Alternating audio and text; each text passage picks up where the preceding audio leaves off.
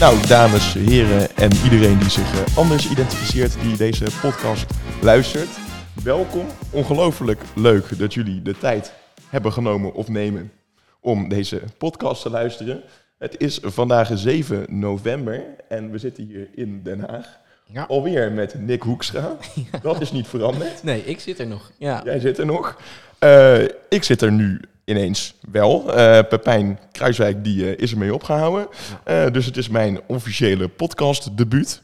Ongelooflijk spannend. Dus Nick, Ja, ik zou graag aan jou willen vragen. Wie ben jij? Ben jij nog steeds eh, Nick Hoekstra ik ben die nog- politicologie ja studeert? nog steeds dezelfde inderdaad. Ehm mastertje politieke wetenschappen. Ehm, maar vooral leuk om hier met jou te zitten. Kijken of er iets meer richting aangegeven kan worden. Want met Pepijn ging het lekker alle kanten op. was wel een hele leuke podcast. Dus ik hoop dat iedereen heeft geluisterd. Ehm, maar ik ben benieuwd wat jij ervan gaat bakken, Bram. Nou, dan ga ik ook eh, proberen om er een leuke podcast van te maken met een beetje structuur. Ja, want jij bent net nieuw. Hè, althans, ben- net nieuw. Nou, hij klinkt wel Ja, net, net nieuw in het hoofdbestuur. Oh, ja, dat klopt. Ja. Voor de rest loop ik wel 21 jaar mee. Maar vertel, wat doe jij? Jij bent voorlichter. ik ben, nou ho, ik ben hoofdbestuurzit voorlichting. Ja. Ja, ja, in de krant stond er gewoon woordvoerder. Sta ik een keer in de krant, ben ik woordvoerder. Nee, eh, ik doe inderdaad voorlichting bij de JVD. Nu een maandje begonnen. Ik studeer politicologie. En eh, af en toe eh, heb ik ook een college filosofie gevolgd. Daar sta ik ingeschreven. Ja. Maar eh, ja, ik, vind, eh, ik heb voldoende voor college filosofie gekeken om eh, zweverig te kunnen doen. Dus Oh ja. eh, mocht deze podcast niet gestructureerd zijn, maar iets wat te zweverig, Dan ligt dat niet aan mij. dan ligt dat niet Nee, aan jou. nee. Kijk me dan vooral maar heel streng aan. Dan eh, zal ik het wat gestructureerder houden. Ehm, ja, en eh, hiervoor eh, ook actief binnen de JVD. Maar eh, laten we deze podcast het zo min mogelijk over de JVD gaan hebben. Maar in plaats daarvan heel erg over de inhoud. Ja, onwijs. Ongelofelijke tegenstelling tussen elkaar. Ehm, en wat wij... Ja, ik heb direct bij mijn eerste podcast iets nieuws bedacht, Nick. Oh, vertel. En het nieuws is dat we gaan beginnen, iedere podcast, met een liberale opsteker en een liberale teleurstelling. Ja. Ik bedoel, eh, jij kijkt natuurlijk iedere dag op Twitter en je eh, leest de kranten en je leest boeken. En je- het zal je van alles zijn opgevallen wat je wel en niet bevalt. Ontzettend ingelezen. Ontzettend ingelezen. Nou, ik ben ook ontzettend ingelezen. Had laatst nog de NOS-app een keer geopend en de highlights ervan gezien. Zo. Ja, dus eh, ontzettend ingelezen. Dus ik dacht, als wij nou iedere podcast beginnen wat ons nou bevalt aan de huidige tijd, vanuit ons liberale, Ja, metafysische grondslagen van de JVD. En we hebben ook iets wat ons absoluut niet bevalt. Nou, dan kunnen we kijken of we in de aankomende maanden de wereld een beetje zien verbeteren. Of ja, absoluut, of absoluut niet, dat kan natuurlijk ook. En eh dan zou ik wel willen beginnen, Nick, Ja. met jou, ja, ik dacht ik ga de structuur inbrengen, dus dat ga ik ook mooi doen. Eh, met jouw liberale opsteker. Mijn liberale opsteker. Ehm, nou, wat ik moet zeggen, ik heb eh, gisteravond gekeken naar de uitzending College Tour met Christiane van der Wal. Ik was natuurlijk zelf erg geïnteresseerd in, omdat ik dat eh, op het congres mocht doen. Ehm Just Ja, saying. Ja. Just saying. Kijk, Van Huis is leuk, maar eh, dat deden wij veel beter. Nee. Ehm, wat ik daar echt eh, heel erg goed aan vond, is niet per se misschien heel erg liberaal, maar ehm, ik was in het begin best wel een beetje huiverig over Christiane. Ik dacht van, nou, die wordt zo eventjes voorgesorteerd, weet je wel, naar zo'n... eh zo'n zo Beetje baantjescarousel dingetje. precies, Ja. precies. Ehm, maar ja, hoe, hoe ze dat toen thuis deed met die boeren, eh, hoe zij die persconferentie doet. En ook gisteren weer was er een vrij eh, boze jonge boer. Ik denk dat we dat fragment allemaal hebben gezien. Ehm, ontzettend eloquent taalgebruik ook van de jongen. En hoe rustig zij weer bleef en toch die verbinding aanging met, met, met die persoon. maar ook wel vertelde hoe het, hoe, het, hoe het zat en hoe het zit met het stikstofprobleem. Ah, dat gaf mij op zich weer een soort van dag van, oh, kijk, de politiek kan het nog wel een soort Dat kan nog wel. Maar Ja, niet naar de, de mond mensen- praten, maar nee, gewoon met gewoon- visie. Juist. Nou, het is een eng woord voor. Ja, een hartstikke eng woord. Dat, dat was wel heel erg wat mij opviel aan dat fragment. En waarvan ik weer zoiets had van, oh, nou, een beetje vertrouwen weer terug eh, erin. Vervelende boodschap, maar goed gebracht. En eh, met empathie. Nou, Dus jij kon lekker slapen. eh, ik kon ontzettend lekker slapen. Ja, dat, is, eh, dat was prachtig. Ik had ook een eh, ongelofelijke liberale opsteker vanochtend, toen ik veel te vroeg wakker wa- werd en in een overvolle trein zat. En naast iemand die veel te luidruchtig aan het eten was om half acht in de spits naast mij in de trein. Ja, je had het heel zwaar. Ja, ik had het heel Ja. zwaar. Is het, ja, was verschrikkelijk. Maar nou ja, dat, de treinreis werd beter toen ik NOS opende. En daar hoogste, als hoogste zag staan sowieso een heel groot beeld, weet je wel, bovenin. Dat als highlight. Dat het kabinet met een bonus komt voor mensen die voltijd werken in het onderwijs. Ja, En toen willen dacht- gaan werken, toch? Willen gaan werken. Ja, Ja, ja, ja, dus als je nog aan het twijfelen bent van... Goh, ga ik nou op die vrijdagmiddag eh, in Amsterdam eh, eh, cappuccino drinken... met allemaal veganistische melk en zo... of ik ga nog eventjes dat middagje door... dan denkt het kabinet, goh, dan gaan we jou daarbij steunen. Ja, Nou, oké. Dat vond, ik- vond ik prachtig, omdat wij zijn natuurlijk een land waar iedereen eh 24 uur in de week werkt of 32 uur in de week, want we moeten tot onszelf komen en allemaal van andere eerste wereldland problemen. En toen dacht ik, nou, dan is het toch prachtig dat wij dat doen en dan ook nog eens in het onderwijs, want ja. Jij kent mij een beetje, maar eh, voor de mensen die dat niet weten, ik vind kansengelijkheid echt een geweldig thema. Dat vind ik een soort porno voor liberalen, kansengelijkheid. nou ja, kijk, ik bedoel, eh, hè, we moeten gewoon Ik allemaal een gelijk bijhouden beginnen. deze podcast of jij de ludieke uitspraken van Peppy kan over, eh, overtreffen. Want die had weer zo'n heerlijke... Nou, zullen we dat niet doen? nee, maar ik dacht, uh, daar werd, ik helemaal blij van. Van die kinderen die dan eh, nu eh, op de middelbare school geen, eh, geen Duits meer krijgen of geen Frans, want we kunnen geen eh, docenten vinden, dat, eh, dat we daar dan toch werk van maken. Dus ook een klein beetje visie in, eh, in het, eh, in het Ja. kabinet. Het kan nog steeds. Ja. Maar goed, ik vind dat we nu wel heel positief al zijn over eh, de wereld. Dus, Ja, eh, want ik vind dat tegelijkertijd ook een beetje een soort van negatieve kant. Eh, althans, volgens mij zei eh, Agenda Joustra dat ook goed bij WNL op zondag. Eh, hè, dat we natuurlijk een beetje afhankelijk zijn gemaakt en geraakt aan, aan de overheid. En hierin ook weer. Want ik moet wel zeggen, er is nu... eh, het de energierekeningen zijn hoog, erg vervelend. Inflatie is erg hoog, ook erg vervelend. Maar we zijn nog steeds kampioen deeltijd werken. En ja, met dit soort dingen, er is gewoon geen argument meer om niet voltijd te gaan werken. Want je krijgt dus nu ook nog geld op toe als je voltijd eh, gaat werken. Ja, ik zou het wel weten als ik straks die scriptie eindelijk heb ingegeven. ja, en een paar Ja, jaar. dan eh, eh, wil, ik die, wil ik die bonus ook wel even pakken. Dan ga Ja, ik ook ja. nou, aan toch weer een verrassing op deze ochtend. Nick houdt ook wel van een bonus. Goed, maar wat, ja Nick, wij zijn nu heel positief, maar er zullen al- allerlei dingen jou ook niet bevallen. Dan vraag ik jou toch om er eentje te noemen in plaats van alle twintig. Ja, ja, nou, nou doe je net alsof ik zo'n oud zeikerig mannetje Ja, weet je wel. ik ook wel. Zeker. Ehm, nou, wat ik... eens even denken, wat, wat vond ik nou echt het hoogtepunt van de teleurstellingen eh, deze week? Eigenlijk vrij weinig. Wat ik... ehm, nou ja, we hebben natuurlijk dat energieplafond gehad. Hebben we ook een hele leuke actie mee gedaan. Ben jij heel erg druk mee, eh, mee geweest. Ehm, ik vind dat nog steeds wel eh, iets waarvan ik denk... Ja, daar is, daar is weinig aandacht voor. Er komt nu twee keer 190 euro bij iedereen op, de, op de mat te Ja. liggen. Ehm, en ik zou daar eigenlijk de oproep willen doen, omdat ik dit gesprek ook met mijn ouders bijvoorbeeld heb gehad. Hè. Als je nou in de situatie zit dat je dat eigenlijk niet nodig hebt, kijk dan even in je directe omgeving of er iemand is die dat wel kan gebruiken. Maar ga er alsjeblieft geen kerstcadeautjes van kopen of nog een keer extra vanuit eten. Want het enige wat je daarmee doet, ehm, is die inflatie eh, nog verder omhoog, eh, omhoog Ja. eh, duwen. Eh, omdat je weer wat gaat kopen, weer wat gaat uitgeven. Dus hè, die, die vraag blijft. Ehm, terwijl dat aanbod niet heel erg verandert.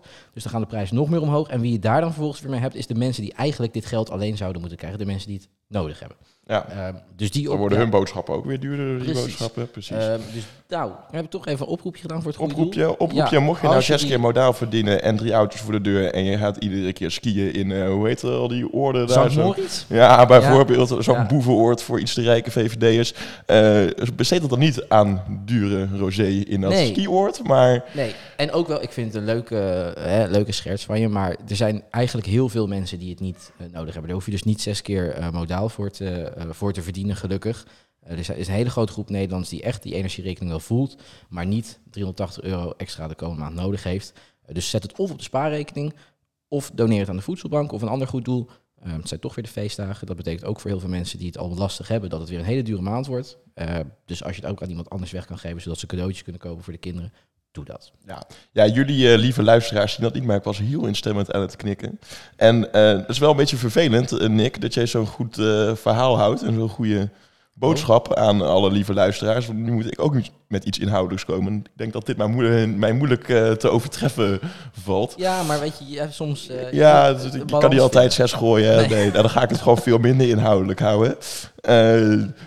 Want ja, ik heb, ik heb oprecht mijn best gedaan om me ergens aan te ergeren. Dat klinkt alsof ik, een ongelofelijke status quo eh, fan ben.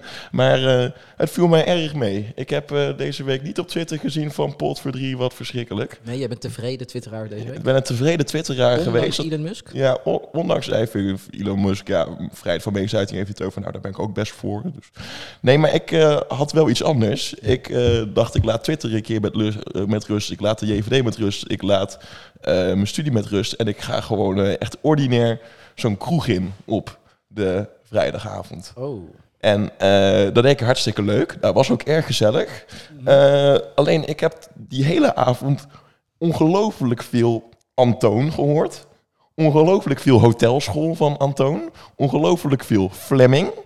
En toen, eh, ik, heb, ik kon me toch niet inhouden om er een mening over te hebben. Ik dacht van, waarom zijn wij als jeugdigen, begin twintigers, van die ongelofelijke wijven die heel graag naar muziek luisteren over verliefdheid en over dat meisje in de, in, op het treinstation en over dat meisje ergens eh, eh, in de klas. Maar, eh, vroeger in de jaren negentig had je nog Nirvana of zo, of je had allemaal van dat soort eh, types die Ja, en gewoon... daarvoor had je Beethoven, Bach. Wat wil je nou precies zeggen? Nou, wat ik bedoel te zeggen, ik, probeer, ik, ik wil gewoon graag weer muziek wel gewoon een beetje rellerig is. Wat gewoon een beetje over Ja. heroïne en aids en zo gaat. In plaats van over dat leuke meisje op het treinstation. Dat vind ik veel leuker. Jij wil maatschappelijk geëngageerde muziek in. Maatschappelijk geëngageerd. Ja, allemaal zo niche. Allemaal zo over dat meisje op het treinstation. Dat is een nieuw lied van... Of, nou, ik weet niet of het een nieuw, een nieuw lied van Antoon. Maar het ging over het treinstation. Nou, en ik... Ja, goed. Ik moet het toch een beetje linken aan, het, aan de liberale teleurstelling. Mijn teleurstelling is toch dat die vrije markt die wij zo hebben geïntroduceerd...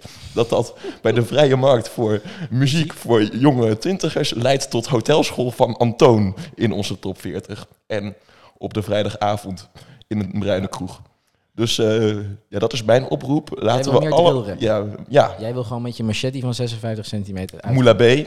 Gewoon laag en zo, busy. Veel Oké, leuker. Ja, helder. Nou, ik merk dat dit niet eh, aan mij weer... Nee, hè? maar ik vind het leuk dat je dat je... eh, ja, dit was echt zo, de, de Ja. honderden van die liedjes. dus eigenlijk was de leukste avond in jouw week... was tegelijkertijd je grootste ergnis. Dat is misschien precies. Ja, mooi. Helder. Nou, gaan Ja. wij door, denk ik. gaan wij door, hè? Ja, Ja, de want- inhoud, want we zijn echt alweer veel te we zijn er weer, eh, ja, dan moeten we weer een beetje in de houk houden. Dus goed, Ja. Eh, eventjes daar gelaten. Eh, ja, goed, wat, wat is nou iets inhou- ja, nou ja, inhoudelijks? Dat eh, vindt in Nederland plaats. Maar wij eh, denken altijd dat eh, de grenzen hier ophouden. Althans, de hele conservatieve VVD is in ieder geval wel. Ja. En jij wil alleen, het eh, hebben iets in het buitenland. Ja, ja, Ja. nog wel een beetje cosmopolitisch, een beetje toch half D66 volterig eh, bij de JVD. Eh, ik zat dus zo ook afgelopen week te kijken en ik dacht, Engeland, dat is nou een gaaf land. Weet je Ja. waarom? Daar heb je niet een premier die al twaalf jaar een appel eet op de fiets naar het Koningshuis. Eh, Die hebben een, een echt Koningshuis, gewoon gaaf. En die hebben ook nog eens iedere dag een nieuwe premier. En ook gewoon een, een leuke premier, die Sunak. Ik zag hem staan. Lekker, eh, lekker feestje aan het vieren. Lekker aan het... Ja, eh, die video op die boot heb jij gezien. ja, lekker, lekker, Frans. le- le- le- Ja. lekker, lekker pillen Soenak, lekker pillenconservatief. Ja. Die zat daar een beetje, een beetje te raven. Dat is toch vet, dat zie ik Rutte niet doen. Ja, nee, hij is verslaafd aan Coca-Cola. Dat is die video die ook eh, uitging. Hij zei, eh, I'm addicted to Coke. Maar daar bedoelde hij Coca-Cola mee. Alleen, dat werd- Oh. hij drinkt niet, hij is geelonthouder. Dus althans, dat zegt hij. Ik weet niet wat hij achter Ja, maar Nick, nu vind ik hem ineens een stuk minder leuk. In mijn hele fantasie over, over Soenak heb je... Ja, maar in het kader, hè, we hebben natuurlijk Theresa May gehad, die eh, het meest spannende wat zij toegaf in een interview was dat ze in haar jeugd was door een korenveld had gerend. Nou ja, Liz Truss kwam natuurlijk helemaal niet uit de woorden. Dan hebben we tussendoor eventjes eh, wat clownesk eh, activiteit gehad met Boris Johnson. En dan hebben we nu een soort van ja, Coca-Cola verslaafd. Dus Ja. het is, nee, het is een gemêleerd gezelschap. Behalve dat ze natuurlijk bijna allemaal eh, van Oxford komen, PPE hebben gestudeerd. En eigenlijk allemaal dezelfde rijke luiskindjes zijn. Nou ja, ik zat net te denken, nou, dat zou ook wat zijn als het een, een pillenboy was. Want eh, conservatieven die vinden toch dat je dan tien jaar de gevangenis in moet als je, als je Dat, soort... in Engeland volgens mij wel een stukje strenger dan... eh, Ja, dus dan Maar goed, ook Jij wilde het hebben. Ja, wij wilden het inderdaad hebben over de inhoud, inderdaad niet over feestjes.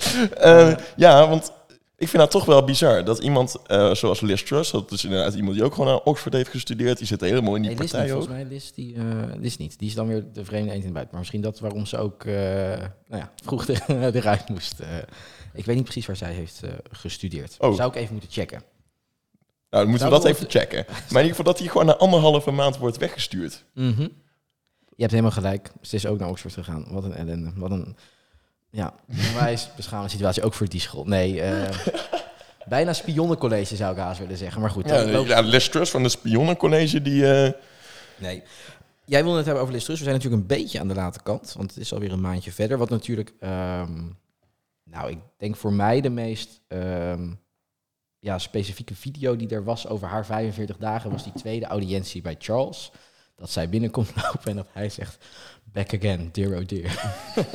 dat hij eigenlijk bui al voelde hangen, eh, welke kant op ze gaat. Het is natuurlijk... ehm, wat dat vind jij heel leuk, hè, die koningshuisdingetjes. nou, ik, wat ik vooral grappig vind is die, is die humor. Er komt ook een boek van haar uit. Dat werd al geschreven toen zij nou, gewoon nog premier was. En dat eh, komt uit 1 december. Dat kun je pre-orderen. En dat boek heet Out of the Blue. Hè, dus hè, uit het niets. Ehm, en de ondertitel was The Inside Story of Unexpected Rise of Distrust. En die hebben ze nu aangepast naar Unexpected Rise en Rapid Fall. Dus dat is wel heel erg grappig aan dat boek. Ze hadden dat boek natuurlijk geschreven met het idee van zo, die is op omhoog gekomen en die wordt eh, de komende, nou in ieder geval tot de komende verkiezingen premier. Ehm, maar dat was niet. Nee, dat was niet eh, helemaal Nee. goed gegaan. Want eh, Nee. dus zij, zij zat er een paar weken en eh, die kwam het hele volk in opstand. En zelfs die conservatieven die werden allemaal boos. En de financiële markten die geloofden er niet meer in. Ja, kijk, het grappige daar is natuurlijk dat zij heel erg gekozen is door de conservatieve partij. eh, met name de rechterflank daarin. Ehm, dat zag je natuurlijk ook aan haar beleid. Op En dan weet je dat je het rechts hebt hoor, de rechterflank van de conservatives in Ja, dan heb, je het, dan heb je het behoorlijk, behoorlijk rechts en behoorlijk conservatief. Ehm, kijk, waar, wat natuurlijk ook veel kritiek is nu ook op Rishi Sunak, is dat ja, hij is door niemand verkozen, zeggen mensen. Hè. Er, is, er zijn wat backbenchers geweest in de partij die hem nu, nu als partijleider verkozen en daardoor is hij premier. En dat is eigenlijk sinds, eh, sinds Boris Johnson dan de derde. Ehm, en daarvan zegt de oppositie van Labour natuurlijk ook van ja, kom nou gewoon met een eh, verkiezing. Ja. Eh, dan kunnen de mensen zeggen wat ze... Plaats van alleen de Engelse zeven vinkers. Juist. Alleen, ehm, ja, hoe, dan, hoe dat in Engeland werkt, is dat de eh, premier houdt het voorrecht verkiezingen uit te schrijven. Dat moet dan wel binnen, ergens binnen vijf jaar nadat hij eh, verkozen is, eh, gebeuren. Maar het is niet zo dat, zoals we dat hier in Nederland bepalen, dat het automatisch op vaste momenten is. Het is in Engeland aan de premier om te bepalen wanneer en of dat op de laatste dag is of een maand daarvoor van zijn premierschap. Dat maakt niet uit. Maar het, het moet binnen die vijf jaar van, vanaf de eerste, de, de voorgaande verkiezingen zijn. Eh, en daarom zeggen zij dus ook van ja, wij zijn in eh, volgens mij 2019, 2019, 20 zijn wij verkozen op basis van dat Conservative Manifesto van Boris Johnson en, ehm, en, en Theresa May en al die voorgangers en die daaraan hebben geschreven. Ehm, dat is ons mandaat. Daarmee hebben wij de grootste conservatieve meerderheid in een hele lange tijd in het Britse lagerhuis.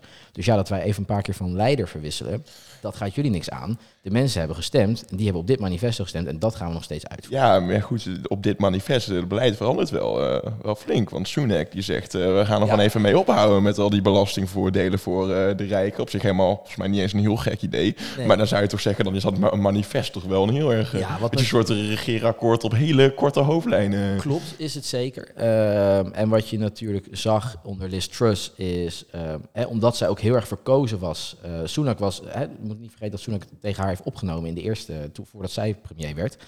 Ehm, en ja, zijn agenda was daarin heel erg wat de ehm, fractie in het parlement wilde. Eh, en het fractie in het parlement, dat is in Engeland natuurlijk ook anders dan hier. ehm, je bent daar niet echt eh, lid van een partij, ben je wel. En er is een chief whip en die zorgt voor de fractiediscipline. Eh, maar het is in Engeland veel minder fractiediscipline eh, als die chief zijn werk niet goed doet als hier in Nederland. Kijk, als je hier in Nederland eh, nummer 26 op een lijst bent, dan stem je gewoon mee met wat er tijdens de vergadering wordt besproken. Alleen in Engeland ben je natuurlijk verkozen op basis van je constituency, dus de, ja, de regio waar je vandaan komt. En die mensen vertegenwoordig je. Dus je hebt veel meer een belang om het voor die mensen goed te doen en dus misschien ook tegen je eigen overheid of je eigen kabinet in te gaan.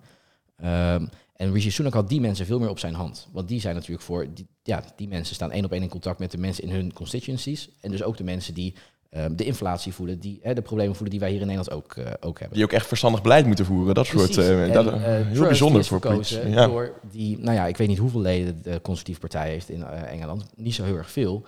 Ehm, en dat zijn natuurlijk voornamelijk, en zeker mensen die lid zijn en stemmen, eh, van die jongetjes en meisjes naar Eton zijn gegaan. En daarna Cambridge en Harvard en, en Oxford. En die hebben daarvoor... eh, Ja, ja, en die dan eh, dus allemaal van die ongelooflijk grote kans hebben gekregen. Oxford, allemaal Juist. allerlei bijleidskastjes. En dan vervolgens in het parlement gaan roepen dat mensen de kansen Juist. moeten grijpen en eh, in moeten vechten. In, eh, ja, nee. eh, Juist. En wat je zag is hè, dat, en ik denk dat dat het, ehm, dat er achteraf voor heel erg voordelig is geweest dat Boris Johnson zich heeft teruggetrokken, is dus op het moment dat er maar eh, hè, dat de fractie in het parlement zich achter één kandidaat kan eh, scharen, of in ieder geval door middel van stemming, ehm, en er zijn verder geen andere kandidaten, ehm, dan wordt het dus niet meer voorgelegd aan de rest van de partij. En wat je zag in, eh, in de zomer, toen Liz Truss en Sunak tegen elkaar opnamen, dan waren er dus meerdere kandidaten, dan gaat de partij beslissen. En dan zie je dat die conservatieve vleugel veel meer eh, macht heeft. Maar goed, we willen het even hebben over haar val. Ja, haar val, want dat Haar vind ik leuk. Dat Hoe- leuk, ja. Heel, eh, heel leuk dat het nu allemaal weer misschien goed gaat met Engeland, maar haar val, weet je, Nou, met je ik niet horrorpolitiek, dat is leuker. Ja. Dus eh, we doen die Trust, die,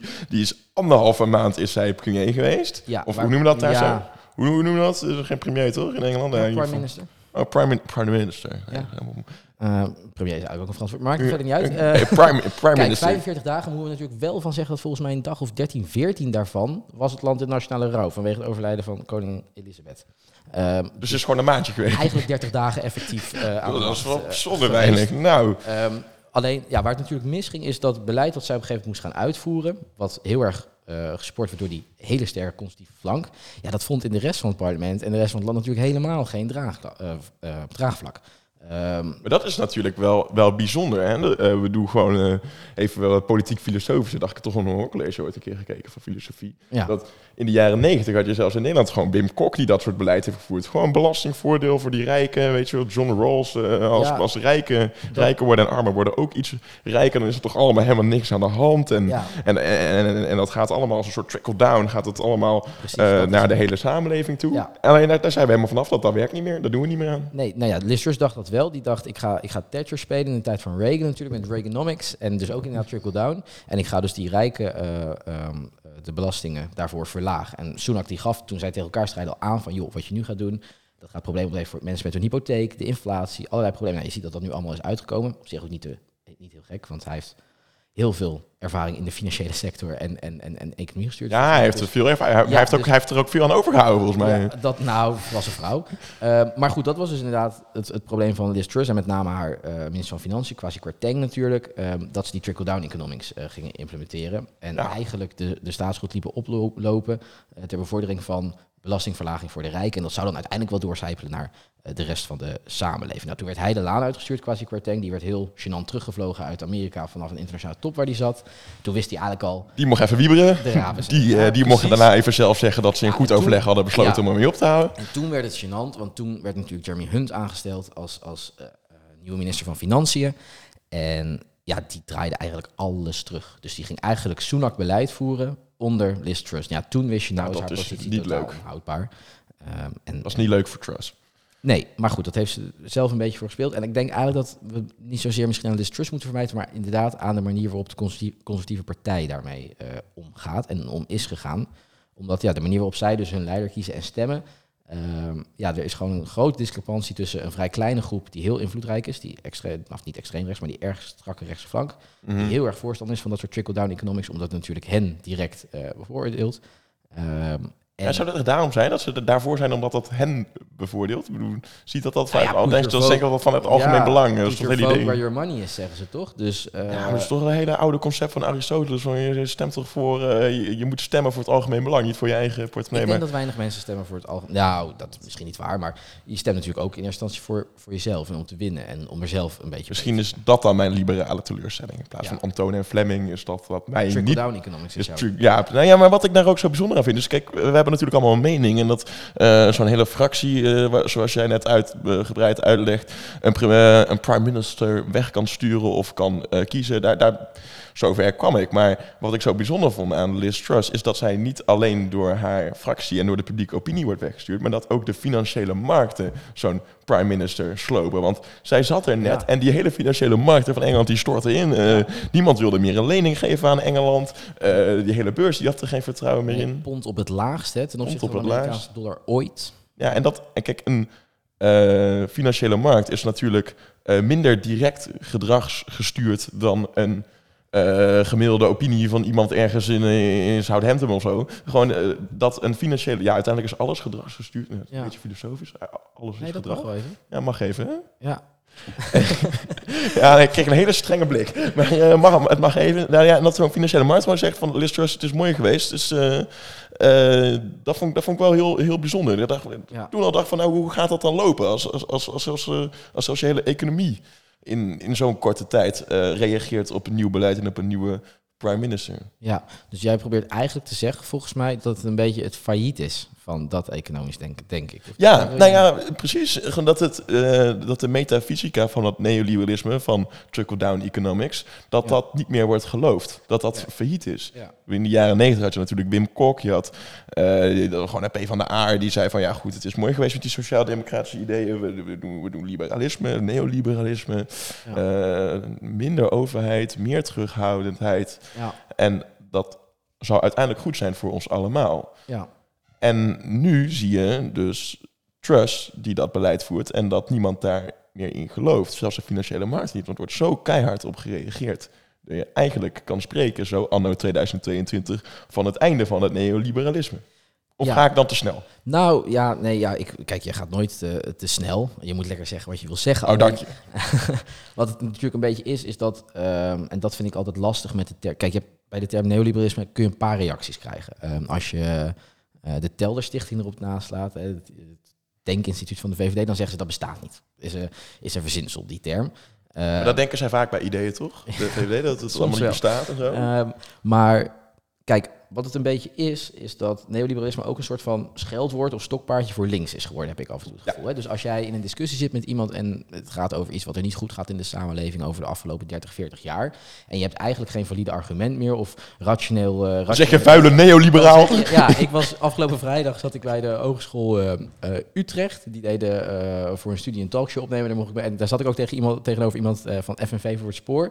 En die ging meteen, hij zat nog geen seconde en ik zat erop te wachten. En ja, daar kwam die weer. Het neoliberale beleid van de afgelopen jaren. En Ja, wat ik me dan heel erg afvraag, ja, wat is dat dan precies? Hè? Wat bedoel je dan precies met neoliberalisme? Bedoel je daar gewoon eigenlijk alles eh, wat de markt eh, niet heeft kunnen oplossen en fout mee doet? Want als je dat bedoelt, ehm, dan is neoliberalisme helemaal niet zo'n goede term om te gebruiken. Want waar liberalen heel erg zijn van laissez-faire en laat het maar aan de markt over en zeker de overheid zich niet mee moet bemoeien, eigenlijk ook een beetje beleid wat je bij Liz Truss zou kunnen terugzien. Ehm, en ook best wel eh, beleid dat we de afgelopen tien jaar hebben gezien.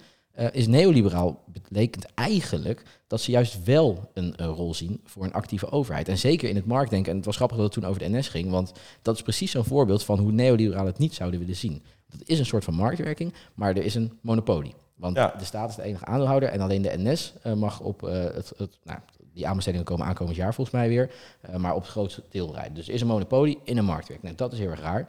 Eigenlijk wat jij zegt is neoliberalisme hebben een wat actievere vorm Eigenlijk van is dat een veel liberalisme. sociaal-democratische vorm van Dus een soort- liberalisme. soort- Omdat zij vinden dat, ehm, ehm, dat, ja, dat de markt echt wel streng gereguleerd mag worden op, door de overheid op het moment dat die markt niet meer eh, een concurrentiepositie kan, eh, kan bevorderen. Dus dat is altijd een beetje... Er wordt echt gewoon marktpolitiek gevoerd. Precies. Dat, in plaats van het dat idee dat de markt de politiek is, heb je ook een Juist. politiek die zorgt ja, voor een goede liberalen markt. zullen zeggen, inderdaad, de markt is de markt en politiek is politiek. En dat moet niet te veel met elkaar bemoeien. Terwijl neoliberalen eigenlijk zeggen ehm, dat je marktpolitiek moet voeren. Dus op het moment dat er een eh, monopolie dreigt, eh, dreigt te komen, of de markten fungeren niet meer zoals ze moeten fungeren, dus ehm, dat je als individu met je eigen inspanning het er eruit kan halen, ja, dan, dan zeggen neoliberalen, dan moet je eigenlijk ingrijpen. Dat is ook een reden waarom neo- neoliberalen eigenlijk tegen partijen zijn en waarom ook geen neoliberale partijen in Nederland hebben. Ze zijn vaak, hè, je hebt ehm, eh, de Mont Pelerin Society en die heeft ook in Nederland wel wat groepjes. Dat is van, hè, uit, uit, uit de vorige eeuw van Hayek, een soort van denkinstituut Mhm. eh, voor neoliberaal denken.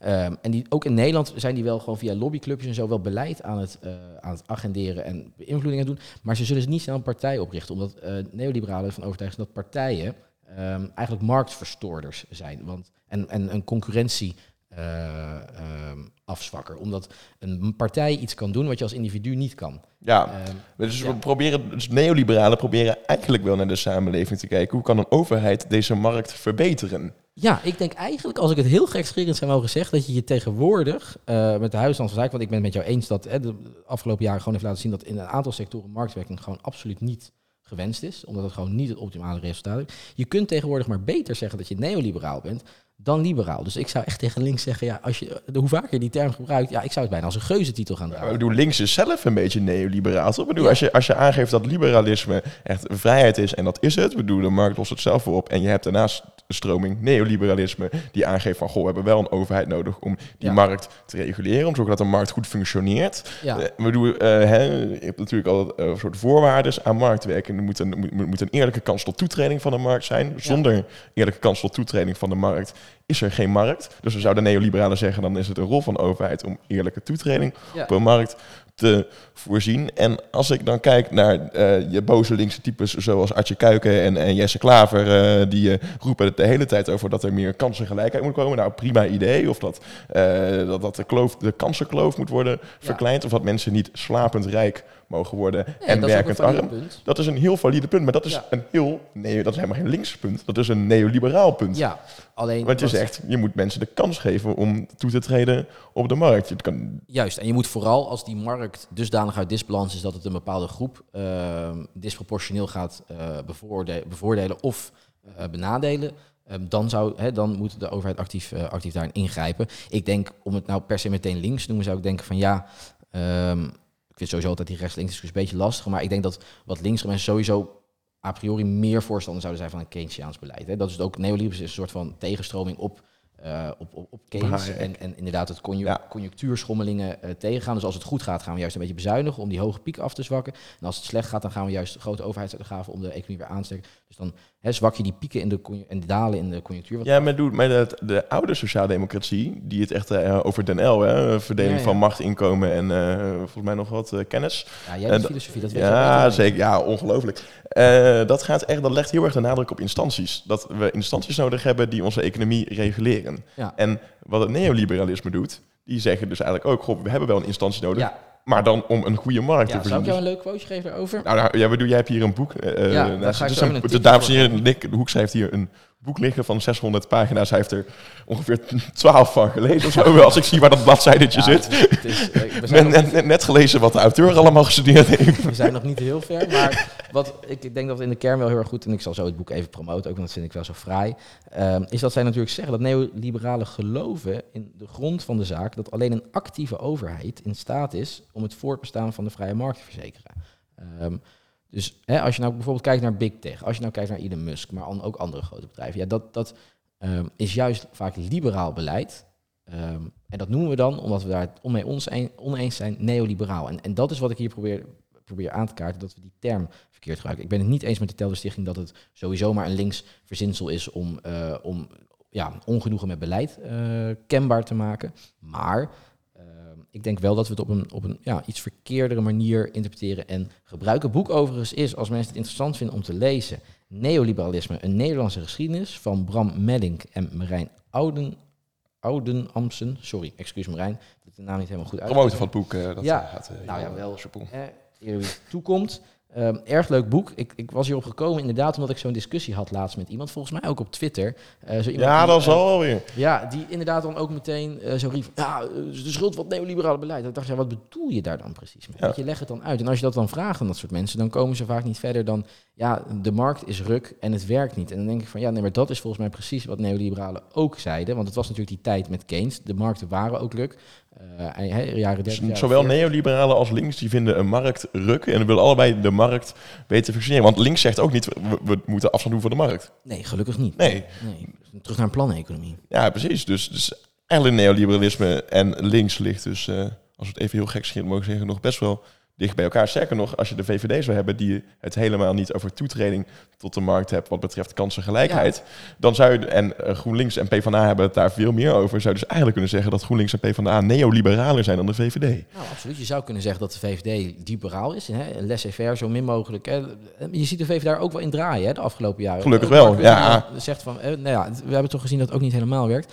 Maar nee, dan zou je inderdaad zeggen dat misschien wat neoliberaler juist D66 is. Dus hè, eh, iedereen vrijlaten, maar niemand laten vallen. Dus op het moment dat, hè, dat het dusdanig situatie wordt dat, dat de markt ehm, ja, iemand gaat bevooroordelen over iemand anders of naar een monopolie dreigt, dus wel ingrijpen eh, en er eh, daarvoor zijn. Dus nou, ik denk op zich dat dat...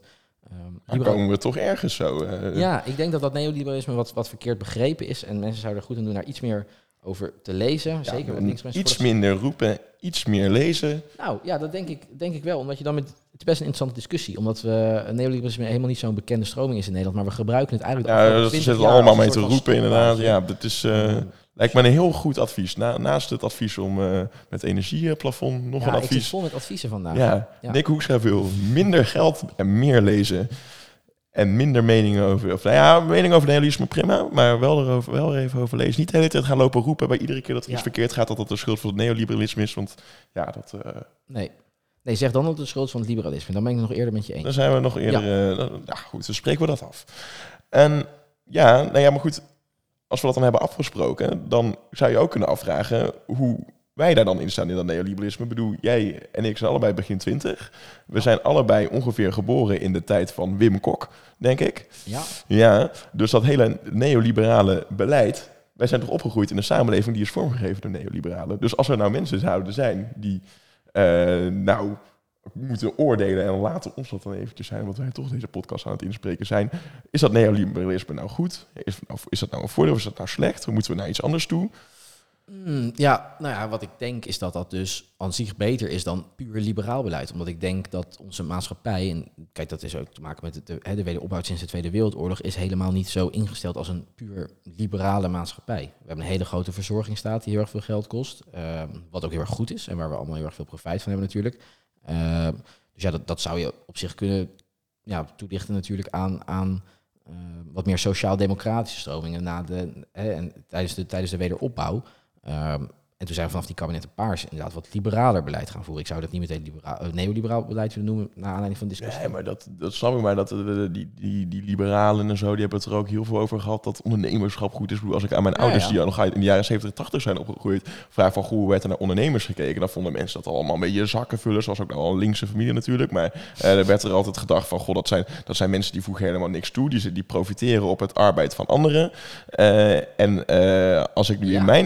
Ja, van ja, goed, er zijn mensen die werken, die leveren het op. En vervolgens is er een kapitaalbezitter die, dat dan, uh, die daar de vruchten van plukt. Dus we zeggen oudlings, laten we zeggen. En, ja. en nu, als je nu zegt dat je ondernemer bent, dan ben je, dan ben je, ben je zo'n zo kerel. Ja, dan kan je zo mee in de kroeg ja, aankomen. Wat als je vervelend is dat we natuurlijk een totale inflatie aan ondernemers We hebben inflatie aan ondernemers, ja. ja. Kijk, het is eigenlijk een wonder dat wij samen nog niet aan het dropshippen zijn. Want Precies. dat doet iedereen van onze leeftijd tegenwoordig. Iedereen heeft deze brand en iedereen heeft deze franchise met bol.com. En uh, we zijn eigenlijk allemaal een soort kleine ondernemertjes geworden door dat uh, neoliberalisme of liberalisme. Dat is dus de filosofische vraag. Ja, nee, oké, okay. ik, ik, ik, snap wel wat je daar... Uh... Ja, ik, het was even een wat lange aanloop, maar... Uh... Nee, oké, okay. ik, ik snap, je, snap je punt daar.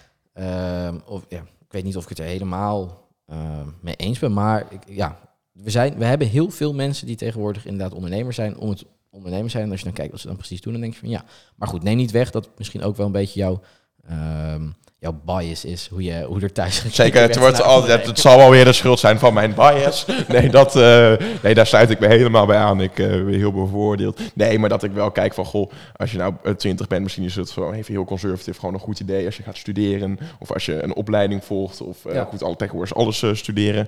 Ja. studeren doen jullie namelijk niet alleen aan de universiteit, maar ook aan het mbo. Maar goed, ja. en dat, dat, dat uh, de manier is hoe we onze economie en onderwijs inrichten. In plaats van dat we allemaal een soort uh, kleine, kleine Elon Musk's worden die op hun zeventiende denken via een franchise van bol.com voor 1,50 euro zeepjes te gaan verkopen uh, die uit China zijn geïmporteerd. Dat is ja. natuurlijk niet helemaal de toekomst. En dat hele neoliberale idee van goh, het is, het is goed als mensen eigen verantwoordelijkheid nemen. Ja, ja dat kan wel, maar je kan af en toe ook je wel eens vertrouwen op de verantwoordelijkheid van een ander.